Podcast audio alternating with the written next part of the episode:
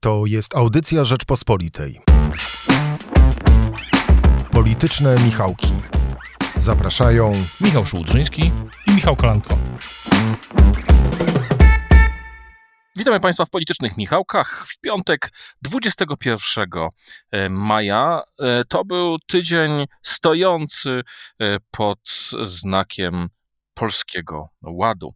W sobotę został on ujawniony, przedstawiony przez Prawo i Sprawiedliwość i właściwie do niego odnosił się cały początek tygodnia. O tym, co jest ciekawego w tym e, polskim ładzie, tak strategicznie będziemy jeszcze mówili, e, ale zacznijmy może od tego, co wydarzyło się we czwartek. W środę wieczorem media obiegła informacja, że mm, pan profesor Maksymowicz odszedł z porozumienia Jarosława Gowina, a we czwartek rano na wspólnej konferencji e, prasowej e, z liderami Polski 2050 ogłosił akces do partii Szymona Hołowni i przeszedł do klubu Szymona e, Hołowni. W tym samym klub Polska 2050 y, liczy w tej chwili sześciu e, posłów. E, Michale, e, dlaczego Maksymowicz porzucił Gowina? To jest bardzo dobre pytanie. Myślę, że tutaj warto pójść tym tropem, który koledzy z Interi narzucili, mówiąc, pisząc w czwartek, że tym przełomem była historia, którą my jako pierwsi opisywaliśmy równolegle z portalem Onet, dotycząca tego, jak to z okolic biura, przepraszam, z okolic gabinetu politycznego ministra edukacji Przemysława Czarnka wyszedł, wyszedł donos, taki mówiąc wprost, dotyczący badań, które nadzorował profesor Maksymowicz. I wtedy chyba to był taki punkt przełamania dla samego profesora, który chyba uznał, że w tym środowisku politycznym nie ma już czego szukać, ale to jest bardzo szerokie środowisko, bo początkowo wydawało się, że profesor Maksymowicz po prostu będzie poza e, prawem i sprawiedliwością, klubem Prawa i Sprawiedliwości, ale pozostanie w orbicie Jarosława Gowina. Natomiast usłyszałem dzisiaj e, przed naszym nagraniem to interesującą teorię, której nie, nie jestem w stanie, nie byłem już w stanie zweryfikować na brak czasu, ale pozostawiam ją naszym słuchaczom i tobie, że oto profesor Maksymowicz jest takim linkiem Jarosława Gowina do środowiska Szymona Hołowni e, z pewnymi, e, jak rozumiem, zadaniami na, na przyszłość. To jest interesująca teoria, której, jak mówię, nie byłem w stanie zweryfikować jeszcze, ale e, jest to też symptomatyczne, w jaki sposób w czwartek politycy Jarosława Gowina, czy tacy jak Jan Strzeżek komentowali odejście Maksymowicza, mówiąc o tej właśnie kampanii wymierzonej w niego i ofierze, którą on przez to, że on jest taką ofiarą tej, e, tej, tej kampanii, więc e, no, zobaczymy ta nauczka, żeby nie wypychać ze Zjednoczonej Prawicy wartościowych autorytetów. Tak powiedział w rozmowie z PAP Jan Strzeżek w, wczoraj, w czwartek. I to myślę ciekawa, ciekawe, ciekawe stwierdzenie. Bo to zupełnie inne podejście niż Prawa i Sprawiedliwości. Szef klubu, nasz ulubiony Ryszard Terlecki, powiedział, że to mała strata e, dla wszechświata. Tak. E, kos Piękny, kosmicznie zabrzmiało. Tak, piękna e, tutaj mm, patrzenie na to w kategoriach światowych, ale ja po odejściu mm, profesora Maksymowicza zajrzałem na stronę Sejmu i tam widnieje zakładka kluby i koła. I klub parlamentarny Prawo i Sprawiedliwość liczy dzisiaj 231 posłów. E, z jednej strony PiS mówi o poszerzaniu. Jarosław Kaczyński podpisał deklarację programową Polskiego Ładu razem z premierem i marszałek Sejmu Elżbietą Witek, ale też z koalicjantami Zbigniewem Ziobro e, i Jarosławem Gowinem. E, zapowiedział, że będą kolejne e, podpisy. Podejrzewam, że miał na, na myśli Adama Bielana, ale o Adamie Bielanie i konflikcie w porozumieniu może za moment, ale popatrzmy na to od tej strony. 231 posłów to nie jest gigantyczna większość.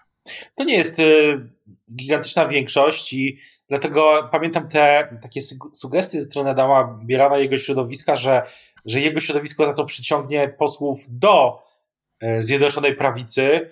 Y, być może Adam Bielan, czy, czy nie pamiętam, czy to on wspominał, czy to było w kuluarach, czy, czy, czy taki był sygnał w każdym bądź razie, że będą transfery do tej partii, którą, e, jak ujawniliśmy w tym tygodniu, jest to partia republikańska po prostu, którą połączy się porozumienie Adama Bielana, ale będzie pozostawało w sporze z porozumieniem Jarosława Gowina, który może potrwać powiedzmy szczerze, potrwać... powiedzmy szczerze, ujawniliśmy to nie w tym tygodniu, tylko ujawniliśmy to jeszcze w kwietniu, gdy opisaliśmy, że właśnie taka partia została zarejestrowana. Też, też, tak, no, że, że, y, że to właśnie ta partia to, tak, napisaliśmy to w tym tygodniu, a to, że została zarejestrowana, to rzeczywiście napisaliśmy kilka tygodni temu piórem y, naszego kolegi Wiktora Ferfeckiego, który specjalizuje się u nas y, w wielu sprawach, ale też w odkrywaniu takich właśnie historii, które później wybuchają w centrum zainteresowania opinii publicznej, a wcześniej wydają się y, historiami, które nie mają takiego potencjału. Tak się właśnie też i tym razem, jak wielokrotnie zresztą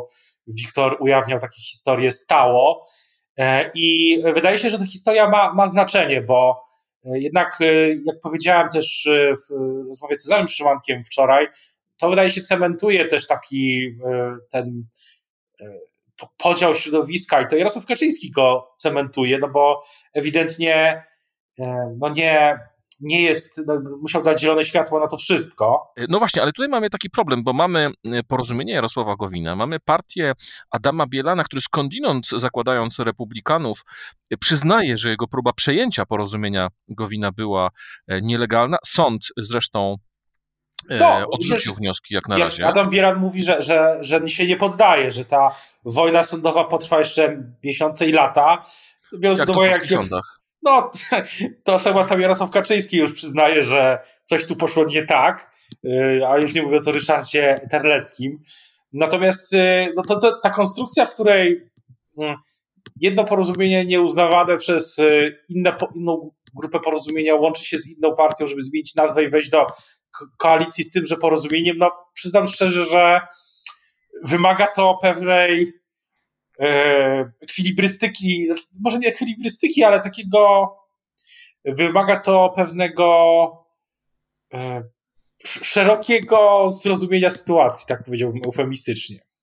No więc właśnie, ja w Piątkowej Rzeczpospolitej postawiłem tezę, że zagrożeniem dla Nowego Ładu nie jest opozycja. Zagrożeniem dla, Nowego Ładu nie jest dla nowego polskiego, polskiego ładu. E, dziękuję Ci za, za przypomnienie. Dla polskiego ładu nie jest opozycja. Nie jest ani Platforma, ani Lewica, ani Szymon Hołownia, ani nawet Konfederacja. Zagrożeniem dla nowego ładu jest e, jedność Zjednoczonej Prawicy, która wydawała się w sobotę na tej uroczystości podpisania, strasznie zresztą długo, 2, 2 godziny 45 minut trwała ta konferencja. E, niemniej jednak mm, to był taki gest pokazania, że oto jesteśmy jedną pięścią, zjednoczona prawica idzie razem i tak dalej. E, no tylko, że po jakimś czasie okazało się, że z tej jedności no nie za wiele zostało. Adam Bielan podszczypuje Jarosława Gowina. E, dochodzą głosy z Prawa i Sprawiedliwości, że być może jak Gowin straci jeszcze więcej szabel, e, to będzie musiał oddać część swoich miejsc, które ma w rządzie, a być może nawet straci stanowisko wicepremiera i zostanie tylko zwykłym ministrem. To jak gdyby z jednej strony, ale to, co piszę w tekście piątkowym, to taka teza, że na dziś wydaje się, że Polski Ład jest świetnym paliwem wyborczym i może doprowadzić do tego, że liberalna opozycja będzie pogubiona, a Prawo i Sprawiedliwość y, będzie szło po zwycięstwo w 2023 roku. Tylko to zwycięstwo i dobre wyniki w sondażach y, y, Prawa i Sprawiedliwości są na rękę Ziobrze i Gowinowi tylko pod jednym warunkiem, że będą na pokładzie. Jeżeli nie byliby na pokładzie, jeżeli by nie mogli zagwarantować ani sobie, ani swoim ludziom miejsc na listach wyborczych Prawa i Sprawiedliwości, wcale im się nie opłaca popierać e, Nowego Ładu i tu mogą zacząć się targi, a te podpisy złożone w sobotę nie będą wówczas nic warte. E, co powiesz na taką tezę?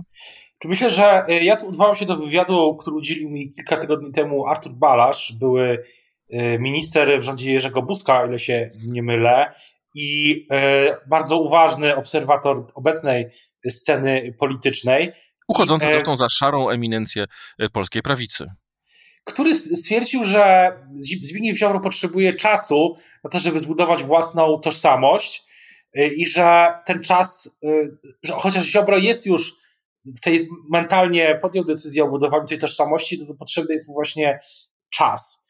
I ja tak się właśnie zastanawiam e, w kontekście tego, co mówisz, bo to jest jasne, że zbyt szybkie storpedowanie polskiego ładu doprowadzi prawdopodobnie do wyborów. Ja z kolei słyszałem już wiele tygodni temu, że jeśli PiS nie odzyska sprawczości, to będą wybory, po prostu poprzez uchwałę o samorozwiązaniu, bo te, wiemy, że te liberalne, liberalne centrum, zwłaszcza jego komentatorzy, no natychmiast zmuszą opozycję, żeby poprzeć e, taką uchwałę, nawet jeśli Platformie się obecnie to specjalnie nie, nie opłaca, to i tak zostanie do tego po prostu przymuszona, bo zaraz będzie, że koniec PiSu, koniec Kaczyńskiego, trzeba to zrobić iść na wybory. Mm, bo tak jest najprościej. Uchwała o samorozwiązaniu, 307 głosów, e, poparcie Platformy i, i PiSu oczywiście wtedy, no i odcięcie się oczywiście wtedy od Ziobry i Gowina, którzy już nie od Adama Bielana, żeby było jasne. On myślę, jego ludzie miejsce na listach takiego PiSu będą mieć, e, natomiast e, pozostali koalicjanci już nie. Tylko, że wtedy, jeśli to byłoby za szybko, jeśli koalicjanci za szybko doprowadziliby do storpedowania tego polskiego ładu, to mogliby nie zbudować swojej tożsamości, a z drugiej strony Jarosław Gowin ma przed sobą chyba wizję budowania w takiej sytuacji tej no, Hadecji polskiej, czy, czy jakiej tam, chciałem powiedzieć Hadecji Plus, nie wiem dlaczego, e, Hadecji polskiej, czy Hadecji Nowej z... polskiej Hadecji, żeby odwołać się do, do nowego Polskiego Ładu. E, z Kosiniakiem Kamyszem i być może właśnie z Szymonem e, Hołownią. To jest taki koncept, który krąży już wielokrotnie, wielokrotnie krążył w przestrzeni publicznej, no ostatnio wyłożył go, chociaż może nie tak wprost, w, w, w tym, w wywiadzie dla Rzeczpospolitej w wicemarszałek Sejmu Piotr Zgorzelski. Więc zbyt szybkie storpedowanie tego polskiego ładu się nie opłaci, chociaż z drugiej strony e, kluczem, takim silnikiem politycznym tego polskiego ładu są te zmiany podatkowe. One muszą wejść w życie, czy PiS chce, żeby weszły w życie już e, w przyszłym roku, czyli no tak naprawdę wóz albo przewóz teraz. No właśnie, bo tu dochodzimy do tej podstawowej sprawy. E, kiedy będzie działać Polski Ład? Czy Polski Ład będzie działać jako obietnica? Bo ja stawiam tezę, jestem gotów postawić tezę, że nie, że jeżeli obietnicę Polskiego Ładu wyborca usłyszy raz, po miesiącu usłyszy drugi raz, po pół roku usłyszy trzeci raz, a potem będą przyspieszone wybory i będzie słyszeć ją cały czas, to ten efekt Polskiego Ładu przestanie działać. To, to paliwo nie będzie już działać wtedy. Takie mamy, mm, taką mamy sytuację, że PiS wygrywał właśnie tym, co ty nazwałeś sprawczością. Samymi pięknymi obietnicami może już nie wygrać. Znaczy inaczej, to i tak jest szachmat dla opozycji, bo tak jak pisaliśmy w tym tygodniu, no, na opozy opozycja wpadła w własną pułapkę, bo liberalna opozycja krytykująca rozwiązania, które będą korzystne dla 90% obywateli i stająca po stronie 6 czy 8% najlepiej zarabiających, nie ma szans na odzyskanie masowego poparcia i wygrania, wy, wygrania wyborów. Ale właśnie chciałem Ciebie o to zapytać. Jak, na jak długo starczy paliwa Polskiego Ładu według Ciebie? Czy moim zdaniem wystarczy na długo, w tym sensie, że jeśli on będzie realizowany tak, w, w, będą, e, jest już pierwsza debata o, o zdrowiu e, z Polskiego Ładu, są te wszystkie fundusze, agencje, takie rzeczy, które są mało e, spektakularne, one zaczną działać i PiS ma ten plan, że to poprawi jakość ochrony zdrowia. Zresztą wielokrotnie o tym mówił i premier Morawiecki, i prezes Kaczyński. Druga historia to jest taka, że tam są te obietnice mieszkaniowe i obietnice, e, obietnice dotyczące e, prorodzinne, tak? One się łączą ze sobą. A ta najbardziej atrakcyjna z punktu widzenia wyborczego jest ta obietnica dotycząca e, tego, tych dużych kwot przeznaczonych na kolejne dzieci. Być może niektóre rodziny zdecydują się na to, że one będą wypłacane jednorazowo. To już jest, to nawet nie jest, to jest chyba tam 12 tysięcy o ile dobrze pamiętam. Zresztą yy, i to jest yy, rzecz, która, te wszystkie rzeczy będą uruchamiane w pewnych, w pewnej sekwencji. Te sprawy podatkowe, no ludzie muszą poczuć to w kieszeniach, czyli jeśli to zacznie działać od 1 stycznia y, przyszłego roku, to, to to jest kwestia miesięcy, zanim y, ludzie zaczną to realnie odczuwać. Zwłaszcza, że nikt, nie wszyscy oczywiście, niektórzy odczują to drugą stronę, że będą mieć mniej. E, tutaj jest ten mechanizm kompensacji na kilku, kilku poziomach. To są oczywiście fundusze unijne, z których główne, niektóre, niektóre pieniądze, pieniądze będą spływać już e, w tym roku, ale większość e, w następnych latach no, te inwestycje będą długoterminowe, więc ten nowy ład jest bardzo skomplikowanym pod względem moim zdaniem takiego efektu wyborczego dokumentem i ja myślę, że PiS jest w tym nazwijmy to te, te, te takie kuluarowe zapowiedzi to są szczere zapowiedzi, że, no, że to ma być plan do 2023 roku. Zwrócę uwagę na jedną rzecz, że y, koalicjanci w niektórych momentach nie będą potrzebni, bo lewica będzie popierała prawdopodobnie za jakąś oczywiście cenę, jeśli to mądrze rozegra, te ustawy z, z Polskiego Ładu. No i też co do samego Szymona Hołowni, który, który buduje taką mm, catch-all Party, no, biorąc na pokład profesora Maksymowicza, no ewidentnie chce mieć skrzydła. E, I też chce, mm, chce jak, jak to w czwartek, e, chce, chce jak to w czwartek też e, był taki apel samego chyba Maksymowicza, jeśli dobrze pamiętam, o to, żeby no, otworzyć, żeby będą otwierać się na kolejne takie transfery. Więc Szymon Hołownia też nie może blokować tych propozycji. Wydaje mi się, że koalicjanci nie mają takiej tutaj siły, żeby te podatkowe sprawy e, blokować. Zresztą jeden z e, ważnych polityków PiS jeszcze kilka tygodni przed e, pokazaniem w pełni nowego ładu, gdy tam w kuluarach się mówiło, co tam mniej więcej jest, no, powiedział mi, że, że wiele z tych rzeczy opozycja nie będzie w stanie nie popierać i to się może sprawdzić, zwłaszcza, że dosyć wyraźnie E, prezes Kaczyński ostatnio no, cieplej niż zwykle mówi, czy ciepło mówi o lewicy, o, mówi, że o, o, o Adrianie Zandbergu, o narracji lewicowej, którą warto odnotować dotyczącą spraw No jest właśnie, bo teraz, teraz poruszyłeś temat y, ofensywy y, wizerunkowej prezesa Kaczyńskiego. Prezes Kaczyński y, spadł na drugie miejsce E, rankingu nieufności, jeżeli dobrze pamiętam. E, w związku z tym e, został, został wysłany z misją prezentacji Polskiego Ładu. Tak? To on był gospodarzem tego spotkania. Tam oczywiście była dwójka młodych polityków Prawa i Sprawiedliwości, ale raczej pełnili Y, rolę paprotek. To nie żaden seksizm, był mężczyzna i kobieta, w związku z tym można takie sformułowanie, ten pan był też pełnił rolę paprotki, e, czy paprotka. Natomiast Jarosław Kaczyński wrócił, udzielił kilku wywiadów. Jak zauważyła nasza redakcyjna koleżanka e, Zuzanna Dąbrowska, jest to zupełnie inny Kaczyński niż jeszcze e, kilka tygodni temu. Kaczyński do rany przyłóż, Kaczyński budujący szerokie poparcie, mm, szukający szerokiego poparcia dla swojej partii, mm, wypowiadający się właściwie na każdy e, temat. No właśnie, jak uważasz, czy to rzeczywiście e, uda się manewr sprzed dwóch lat. Pamiętasz, to Jacek Kurski przekonał Jarosława Kaczyńskiego, e, że wcale nie musi być takim strasznym ludem i że to może być ten dobry wujcio Jarosław Kaczyński, ale ja powiem szczerze, mam wrażenie, że to jest ograniczona, ograniczony zasięg E, takiego działania. No, Jarosław Kaczyński jeszcze niedawno mówił o tym, że politycy opozycji to rak polskiej polityki. Teraz wyraża się nieco e, bardziej oględnie, mówił o ich niskiej jakości kulturowej, ale no, ciężko oczekiwać, że wilk będzie udawać i na dłuższy czas e, pozostanie owcą. Na pewno ofensywa Jarosława Kaczyńskiego, ta medialna, jest rzeczywiście warta odnotowania.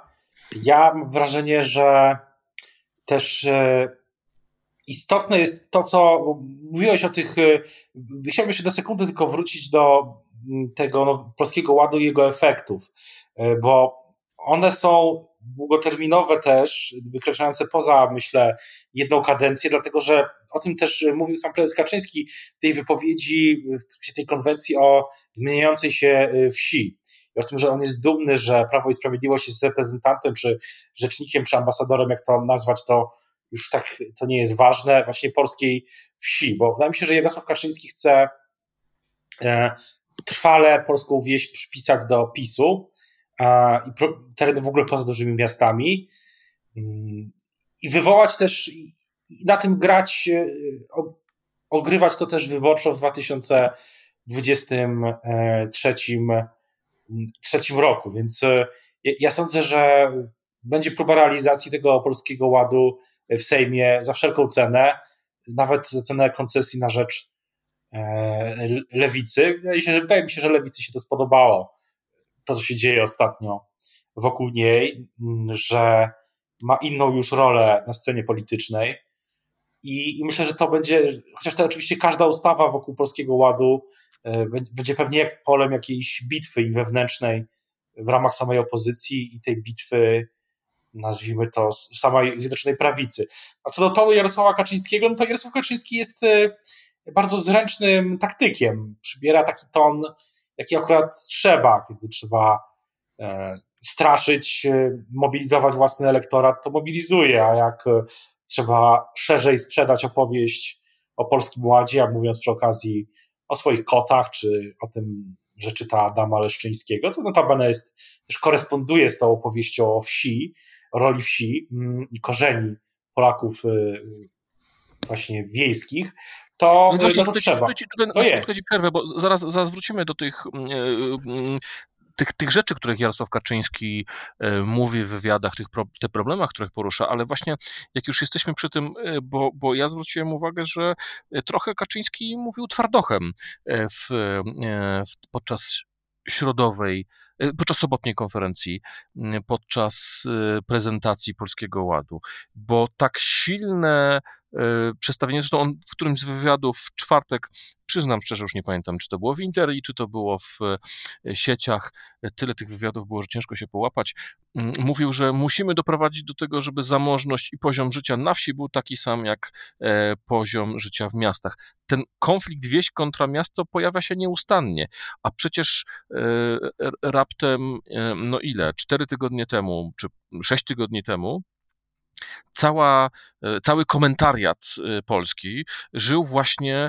polemikami zapoczątkowanymi przez, przez, przez Szczepana Twardocha, ale też wcześniej przez książki właśnie Adama Leszczyńskiego, Andrzeja Ledera, profesora Janasowy czy, czy, czy innych autorów, którzy właśnie pokazywali ten, to napięcie pomiędzy przepraszam, użyję tego słowa z bolszewickiej propagandy, jaśnie pańską Polską, a Polską chłopską uciskaną e, przez, e, przez wiele lat. Dlaczego Jarosław Kaczyński wchodzi e, do tej dyskusji? Powiem Ci szczerze, Przypomniała mi się anegdota, którą opowiadał jeden z biografów mm, Jarosława Kaczyńskiego. Mówił, że gdy autoryzował biografię, Jarosław Kaczyński wyrzucił z niej wszystkie wątki dotyczące e, swojego e, inteligenckiego czy ziemiańskiego e, pochodzenia.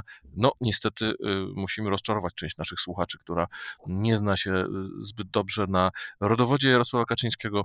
Pochodzi z klasycznej warszawskiej rodziny inteligenckiej o korzeniach inteligencko-ziemiańskich. Dodałbym jeszcze jedną książkę, która, która też myślę będzie wywołać emocje czy dyskusje w tym nurcie, czyli Hamstwo Kacpra Pobłockiego. Y, który pisze o pańszczyźnie. Y, ja myślę, że w ogóle następuje, spoglądając jeszcze na chwilę tak e, szerzej na tę dyskusję, też to widzisz pewnie na, na Twitterze, w mediach społecznościowych, ale nie tylko, że to jest, mieści się w nurcie tego, co ja nazwałbym takim wielkim odkrywaniem. To znaczy, mm, po pierwsze jest właśnie odkrywanie korzeni, czy proporcji tej tożsamości. To Jarosław Kaczyński no, ten, ten nurt, w ten nurt się wpasował i go, myślę, podkręca e, teraz no, no, na użytek PiSu oczywiście.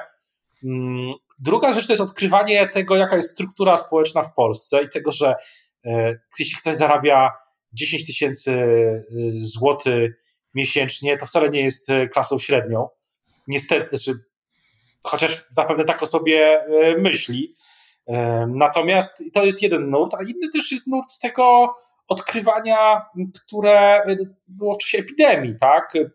Trwającej cały czas pandemii, odkrywania tego, kto tak naprawdę jest w krwiobiegu e, społecznym, tak? Że jak ważne są prace takie jak e, praca e, w sklepie, kierowca autobusu e, i, i tak dalej. Też jak wiele osób pracuje niezdalnie, jak, że to, to jest dominująca forma pracy.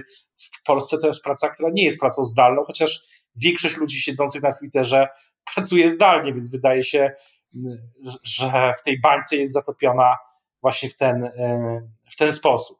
E, że, ale, że ale PiSowi się opłaca ten podział pogłębiać albo wykorzystywać ten myślę, że, podział? Myślę, że Chociażby właśnie tak. ci z bańki twitterowej i ci spoza bańki twitterowej. Oczywiście. No, PiS jest przecież Jarosław Kaczyński chyba e, sam kiedyś powiedział o Karlu Schmidcie e, jako swoim, czy na pewno Karl Schmidt i jego nurt, e, jego myśli są ważne dla prezesa Kaczyńskiego i to jest e, klasyczna rzecz właśnie. Wiesz, ja z Karlem Schmidtem mam dwa problemy, bo Karl Schmidt to z jednej strony teoria decyzjonizmu mówiąca o tym, że tak naprawdę um, najważniejszą rzeczą w prawie i w polityce jest polityczna wola, a z drugiej strony Karl Schmidt to ten polityk, który stwierdził, że polityka to tak naprawdę egzystencjalny spór, a szczytem polityki jest wojna domowa, w której nie ma konkurentów, tylko są śmiertelni wrogowie, my albo oni. E, ta druga część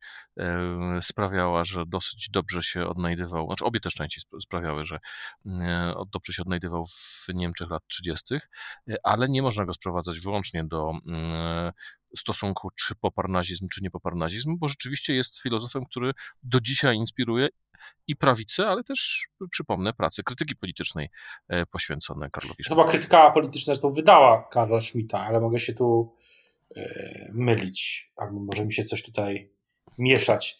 Natomiast wracając do, to jest ciekawe, że, ale z drugiej strony zobacz, tak jak mówiliśmy o tych wywiadach e, prezesa Kaczyńskiego, no to tu jest wrażenie, że on tu właśnie odchodzi od Karla Schmidta. Cały Polski Ład jest dosyć taką zgrabną, bo on działa na, dwu, na wielu płaszczyznach, bo jednocześnie ma być Polskim Ładem dla wszystkich, bo jest i o jest dla, są sprawy miast, zresztą w Krajowym Planie Odbudowy też miasta dopominały się o, o swoje o rzeczy, inwestycje na przykład tramwajowe w miastach. Niektóre rzeczy zresztą, zresztą zostały tam dopisane, co samorządowcy przyznają, za pewien sukces. Więc z jednej strony Polski Ład jest takim, wydaje się, jak przeglądać ten dokument, że wszystko dla wszystkich, Polska mm, będzie, będzie to dekada rozwoju, będzie, będzie od, od y, inwestycji wodorowych po progresywne podatki bardziej. A z drugiej strony w tym zaszyty jest y, ten, ten konflikt na wielu płaszczyznach, o których, o których, te, o których też mówiliśmy. I, I Kaczyński, tak wydaje mi się, że balansuje między jednym e, a drugim. E, teraz, e, no bo w, tym, w, tym, w tej wypowiedzi na tym kongresie, na tej konwencji nie było mm, antagonizowanie, tak? Było takie właśnie przypisywanie, ale nie było antagonizowania. Pytanie tylko oczywiście, jak w tym wszystkim się odnajdzie wspomniana wcześniej przez nas opozycja. Mam wrażenie, że po tygodniu polskiego no właśnie, ładu. Przejdźmy, przejdźmy do tego. Przejdźmy do tego punktu, e, ostatniego punktu naszej, naszej dzisiejszej e, rozmowy, naszego podsumowania tygodnia, ponieważ e, mam wrażenie, że opozycja kompletnie była zaskoczona nowym ładem, polskim ładem. I zwrócił na to uwagę Wojtek Szacki w polityce, że tak naprawdę to, że nowy Polski Ład będzie ogłoszony, wiedziano od dawna. Jakie będą zręby jego działania, wiedziano od dawna, od dawna, a tymczasem opozycja wyglądała na jakąś kompletnie rozbitą i zaskoczoną e, tym wszystkim. A Platforma ma swoje problemy wewnętrzne, odeszła z Platformy Róża Tun mm, i ty i ja e, spędziliśmy młodość w Krakowie i pamiętamy, że mm, polityka e, krakowska zawsze gdzieś była, że, że Róży Tun było pełno w polityce krakowskiej mm, i w tym sensie to była taka kotwica Platformy Małopolskiej. Trudno sobie wyobrazić tą, tą partię w Małopolsce czy w Krakowie bez, bez Róży Tun. I w sumie to e, Platforma wciąż zajmuje się swoimi problemami. To opisywałeś też w czwartkowej Rzeczpospolitej, co działo się we środę, gdy zebrali się na Foksal liderzy, no nie tylko liderzy, szerogowi członkowie również e, Platformy Obywatelskiej i debatowali na temat swojej przyszłości. E, no i no i co? No właśnie, no, czy, czy, można było być rzeczywiście zaskoczonym polskim, polskim ładem? No nie można było być zaskoczonym polskim ładem, bo o tym, że PiS y, ma jakieś nowe pomysły, czy szykuje nowe pomysły, to ja pamiętam, że pisałem już w listopadzie, czy pod koniec listopada. Później się to y, uformowało właśnie w ten, to hasło najpierw Nowy Ład, później na koniec Polski Ład było 20 marca, później była trzecia fala e, pandemii. Zresztą ta trzecia fala dogasa, ale Jarosław Kaczyński przestrzega przed następnymi, co myślę też warto odnotować. Jest, nie można było być zaskoczonym Polskim Ładem, ale wydaje się, że Platforma uznaje, że uznała, że nie ma sensu z tym, w tym zrywalizować z tym. Ja pamiętam, że będę to powtarzał wielokrotnie, jeśli e, mówiłem już chyba kiedyś o tym, że kiedy, kiedy PiS e, rządziło, czy kiedy Platforma rządziła, to politycy PiS zawsze mieli taką taktykę, że jak były konwencje z udziałem Donalda Tuska, na coś tam Donald Tusk, e, premier wtedy ogłaszał, to oni zawsze robili, albo prawie zawsze, swoje konwencje albo swoje eventy, żeby mieć w obrazku, jak to się mówi, żeby w telewizji wtedy liczyła się bardziej telewizja, no teraz mm, też się liczy, ale już inaczej. Żeby, no, żeby na Twitterze i w, mediach społecznościowych i w obrazku telewizyjnym, żeby komentować i szerować i były różne rzeczy i równolegle jednocześnie. I opozycja uznała, że tego, z tych starć nie wygra. E, z tego co pamiętam, to w niedzielę ma być konwencja lewicy E, zobaczymy, co lewica pokaże. To jest pierwsza konwencja po tym, jak pokazała taką konwencję, zrobiła taką konwencję młodych i dla młodych. To było interesujące. E, Szymon Hołownia no, idzie własnym trybem, ma teraz pokazać jakieś tam pomysły edukacyjne, z tego co pamiętam. No a Platforma chce pokazać taki gabinet przyszłości, e, czyli nową wersję gabinetu cieni. No ale szykuje się z tego, co pamiętam, z tego, co pamiętam w kuluarach te rozmowy i też co pisaliśmy, że dopiero na wrzesień na jakąś e, programową, e, programową ofensywę, że tak się wyrażę. Ofensywa to słowo, którego nie powinienem używać, ale, nie, ale w podcaście chyba mogę. Więc nie wygląda to, tak przyznam szczerze, najlepiej. Zwłaszcza, że e, tak jak mówiłeś, bardzo ciężko jest być rzecznikiem wąskich grup teraz w polityce, jeśli chce się wygrać e, wybory. A jak w tym wszystkim odnajdujesz PSL i Lewicę? Bo e, wygląda na to, że największe powody do obaw ma e, właśnie, mają właśnie ludowcy, ponieważ, tak jak mówiłeś, polem bitwy ma być wieś i to PiS ma być najbardziej wiejską partią. Z kolei Lewica no, też jest w pułapce, bo z jednej strony musi popierać część socjalnych obietnic PiSu, e, ale w pewnym momencie może się okazać, że już wyborcy raczej się zgubią, e, czy lewica jest w opozycji, czy może jest jakąś quasi koalicją. No, lewica musi, musi być bardziej lewicowa od PiSu. Chyba ten kierunek praw pracowniczych, e, Ikonowicz, to, to jest kierunek, który PiSy, na który PiS zwraca też uwagę, czy tam się coś nie dzieje. No, PiS bardzo uważnie obserwuje to, co robi opozycja. No myślę, myślę, że wszyscy muszą chyba zdać sobie sprawę, że, że PiS narzucił jedną jeszcze rzecz w, tych, w tej polityce, która się toczy od 2015 roku, że, że wygrywa się pewnymi propozycjami, które są zgrabnie opakowane w kolejne piątki, w kolejne łady i w kolejne, e, w kolejne projekty. I nie sądzę, żeby taką czystą polityką nomen e, omen, koalicjami, e, czy marszami, czy transferami, chociaż potrzebne są na przykład Szymonowi Hołowni oczywiście, dało się wygrywać. I to jest dla opozycji wyzwanie. Ale na przykład Instytut Obywatelski, co na co komentatorzy zwracają uwagę po restarcie, po tym jak Jarosław Makowski e, powrócił na jego, jako, jako szef tego think tanku Platformy, no całkiem sprawnie zaczął działać i pokazuje kolejne mm, propozycje, raporty. E, myślę, że Platforma będzie musiała postawić na to, czego PiS nie ma, czyli na samorządowców, już to robi.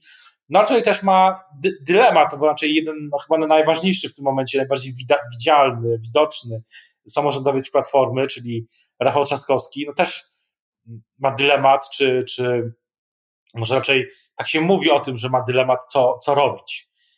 Bo y, są w Platformie ludzie, którzy myślą, że on będzie coś robił poza Platformą, on stanowczo oczywiście zaprzecza.